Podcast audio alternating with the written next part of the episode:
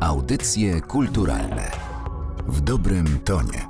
Przy mikrofonie audycji kulturalnych Anna Karna. Dzień dobry Państwu. Po 83 latach do Polski powrócił cykl siedmiu obrazów Bractwa Świętego Łukasza, prezentowanych na wystawie światowej w Nowym Jorku w pawilonie polskim w 1939 roku. Kilka miesięcy później wybuchła II wojna światowa, a dzieła sztuki musiały czekać niemal wiek, by wreszcie wrócić do ojczyzny. Obrazy już niedługo uzupełnią stałą kolekcję Muzeum Historii Polskiej, a w studiu dyrektor tego muzeum, pan Robert Kostro. Dzień dobry. Dzień dobry. Był 30 kwietnia 1939 roku, kiedy w Nowym Jorku została otwarta światowa wystawa pod hasłem o ironię losu, hasłem nadziei, czyli świat jutra. To była wciąż okres dość dobry, bo Europa wychodziła z wielkiego kryzysu gospodarczego. To był okres jednak przyspieszonego rozwoju, bo rozwijały się nowoczesne technologie. Przecież lata 30. to jest rozwój już telewizji. Nawet w Polsce przecież pierwsze eksperymenty z nadawaniem telewizyjnym. Nieco wcześniej rozwinęły się radio jako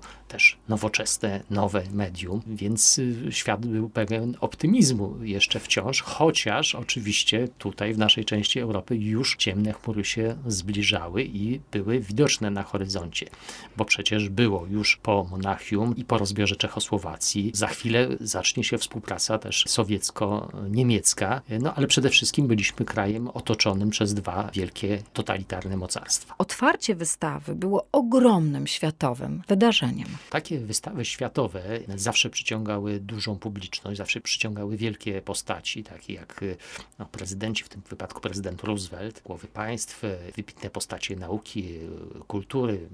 Tutaj na przykład Einstein był jednym z gości tej wystawy światowej i każde państwo chciało się jak najlepiej zaprezentować. Chciało pokazać to, co ma ważnego do powiedzenia, to, co ma nowego, pokazać się od strony osiągnięć y, własnych, ale również osiągnięć historycznych. W tym przypadku Polska akurat wybrała jedno i drugie, bo mówimy dzisiaj przede wszystkim o obrazach Bractwa Świętego Łukasza, ale po pierwsze one były umieszczone w pawilonie, który miał jednak takie modernistyczne kształty i cechy. Co prawda rzeczywiście ta przestrzeń, w której były obrazy, miała taki charakter historyczny, ale ona była otoczona również przestrzeniami, gdzie eksponowano dzieła powiedzmy bardziej awangardowym charakterze, ale też po prostu przykłady polskiej techniki, rzemiosła artystycznego, rzemiosła ludowego. Także ta prezentacja Polski była wielowymiarowa, ale w centrum pawilonu polskiego znalazła się historia czyli właśnie obrazy Bractwa Świętego Łukasza, y, które przedstawiały najważniejsze wydarzenia z historii I Rzeczypospolitej. Tam były również cztery makaty według projektu Mieczysława Szymańskiego, które też trafiły do naszej kolekcji razem z obrazami Bractwa Świętego Łukasza. Te makaty opowiadają z kolei o Janie III Sobieskim i Wiktorii Wiedeńskiej.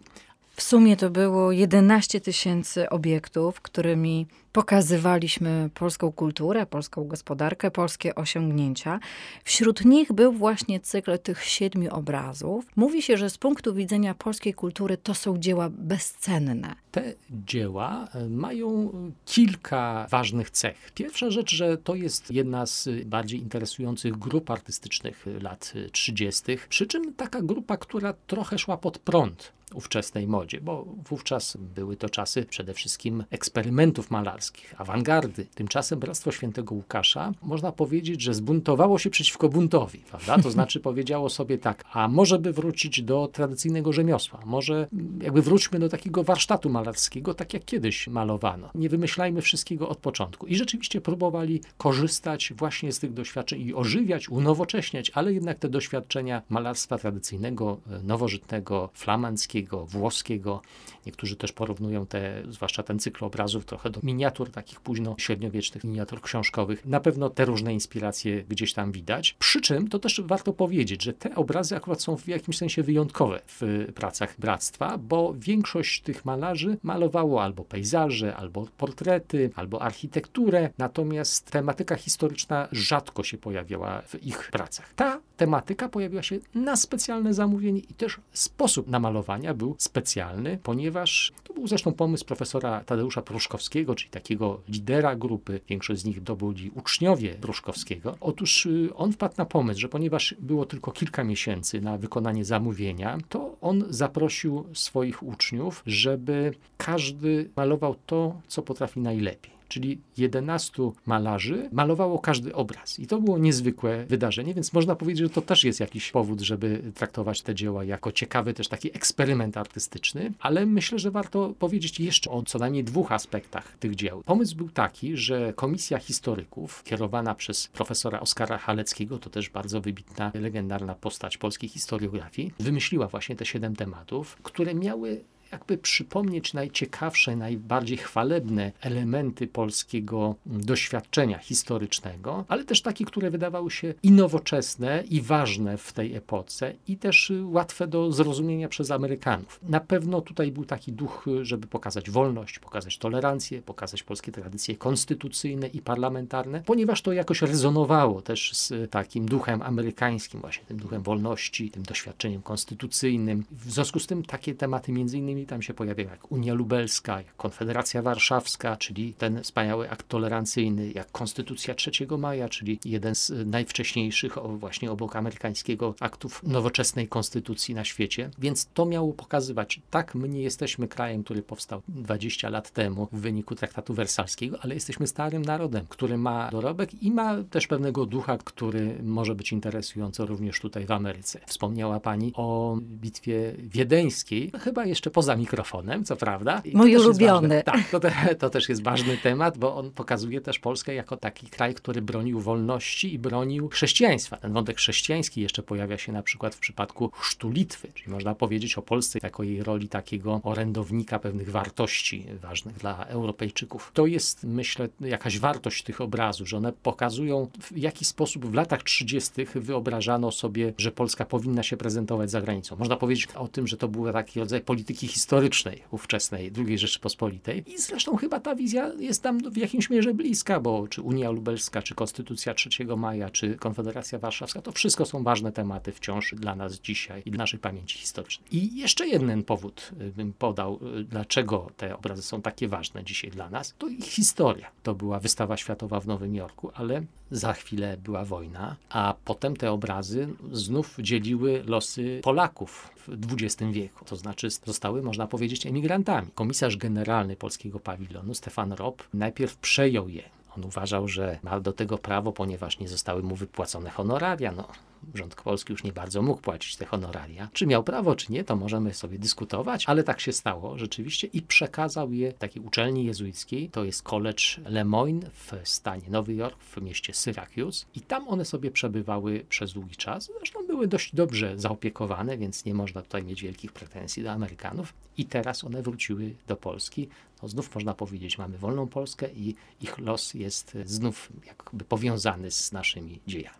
Dramatyczna historia tych obrazów to także dramatyczna historia ich twórców. Łukaszowcy, artyści Bractwa Świętego Łukasza, tak jak wszyscy Polacy, mieli swoje niezwykłe i dramatyczne losy, zwłaszcza w okresie II wojny światowej. Dość powiedzieć, że dwóch artystów zostało na emigracji. Oni wyjechali wtedy na wystawę światową do Nowego Jorku. To był Bolesław Cybis i Eliasz Kanarek. W przypadku Eliasza Kanarka to było też uratowanie życia, bo on był pochodzenia żydowskiego. Z kolei tragiczne losy spotkały samego twórcę twórcę tej grupy, czyli profesora Pruszkowskiego, który został aresztowany przez gestapo, a potem został rozstrzelany w czasie próby ucieczki. W tym roku minęło 80 lat od jego śmierci. Tutaj pojawia się też temat szczególnie ważny dla nas, czyli dzieł odzyskanych. Warto wiedzieć, że te dzieła z wystawy światowej zostały rozproszone, ale znaczna ich część zachowała się i w wielu wypadkach mamy wiedzę, gdzie one są. Oprócz losów tych obrazów Bractwa Świętego Łukasza znamy część kolekcji, która trafiła do Muzeum Polskiego w Chicago, ale część została sprzedana na aukcji. I zresztą my, czyli Muzeum Historii Polski, otrzymaliśmy około 100 obiektów rzemiosła artystycznego i rzemiosła ludowego właśnie od y, spadkobierczyni, jednej z tych osób, które kupowały te przedmioty na aukcji w Nowym Jorku. Więc dla nas to też jest ciekawe uzupełnienie tych zbiorów. Natomiast jeśli chodzi o same obrazy Bractwa Świętego Łukasza i Makaty Szymańskiego, na szczęście wiadomo było, gdzie są, bo wiele z tych dzieł, które straciliśmy w czasie wojny, gdzieś zaginęło, nie wiadomo gdzie, nie wiadomo kto je sobie przywłaszczył, może zostały zniszczone tak jak portret młodzieńca Rafaela, a tutaj wiedzieliśmy przynajmniej, że są, wiedzieliśmy gdzie są. Były dostępne w bibliotece uniwersyteckiej, więc można było je obejrzeć, jak ktoś bardzo chciał, ale zależało nam na tym, żeby mogła je oglądać szeroka publiczność, a nie tylko te nieliczne osoby, które trafią do Syracuse. Wydawało się, że trzeba, żeby trafiły jednak z powrotem do Polski, po to, żeby właśnie można było je pokazywać. Myślę też, że dobrym miejscem jest właśnie Muzeum Historii Polski, bo one pokazują w bardzo ciekawy sposób ważne wydarzenia historyczne i są właśnie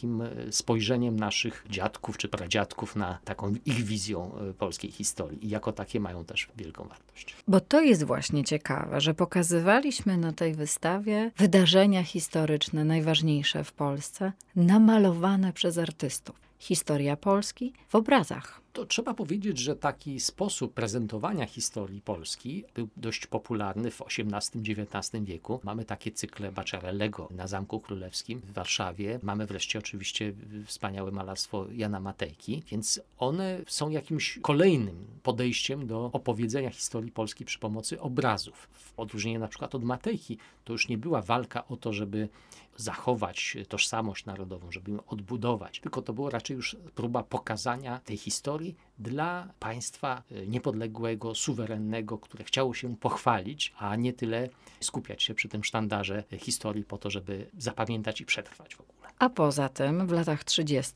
już pewnie te obrazy należały do mniejszości, jeśli chodzi o przedstawienia polskiej historii w ten sposób. Tak, no to w ogóle jest ciekawe, że to dość późne takie, bo to malarstwo historyczne przeżywało swoje złoty wiek przede wszystkim w XIX stuleciu. To był główny sposób obrazowania historii. Nie było filmu, nie było fotografii w oczywisty sposób. W związku z tym malarstwo było taką relacją. Zwłaszcza wtedy, kiedy chciano opowiedzieć o jakichś wydarzeniach z tej dalekiej przyszłości, no to był jedyny sposób takiego inscenizowania przywoływania do wyobraźni różnych ważnych momentów historycznych. My w tej chwili oczywiście mamy również inne narzędzia. One już wtedy zaczynały powstawać, ale to był, można powiedzieć, ostatnia taka próba i myślę, że ciekawe będzie również zestawienie tych obrazów, na przykład właśnie z obrazami Matejki.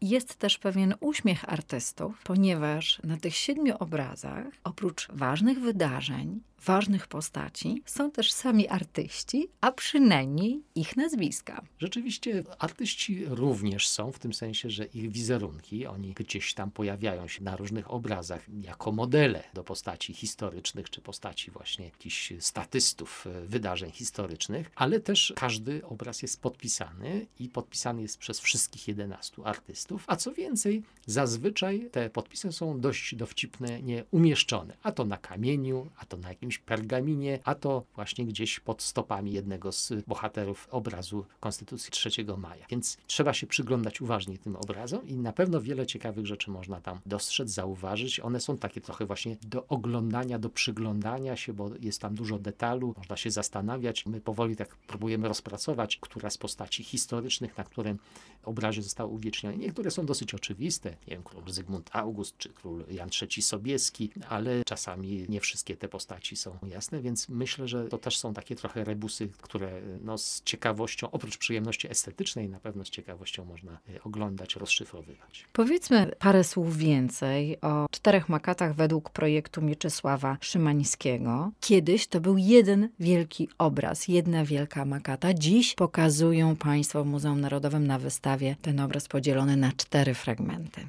Makaty Szymańskiego, czyli właściwie jedna makata, powstała na potrzeby wystawy światowej w Paryżu dwa lata wcześniej, w 1937 roku. I ona tam została nawet odznaczona, wyróżniona nagrodą. I rzeczywiście jest to dzieło wybitne i też ono jest troszkę inne w swojej formie niż te e, obrazy Łukaszowcu. Ono w mniejszym stopniu odwołuje się do jakichś tradycji ikonograficznych, a bardziej stosuje takie zgeometryzowane bardziej postaci i też jest tam mniej jakiegoś szukania realizmu, bo trzeba powiedzieć, że obrazy Łukaszowców też były malowane z pewnym pietyzmem dla oddania kształtów, pewnych kolorów różnych różnych tkanin, przedmiotów, które pojawiają się na tych obrazach, podczas gdy makaty mają taki bardziej charakter symboliczny. Tam się pojawiają różne, oprócz postaci historycznych, takich jak właśnie Jan III Sobieski, czy Marysieńka Sobieska, czy cesarz Leopold I. Pojawiają się też jakieś tajemnicze zwierzęta,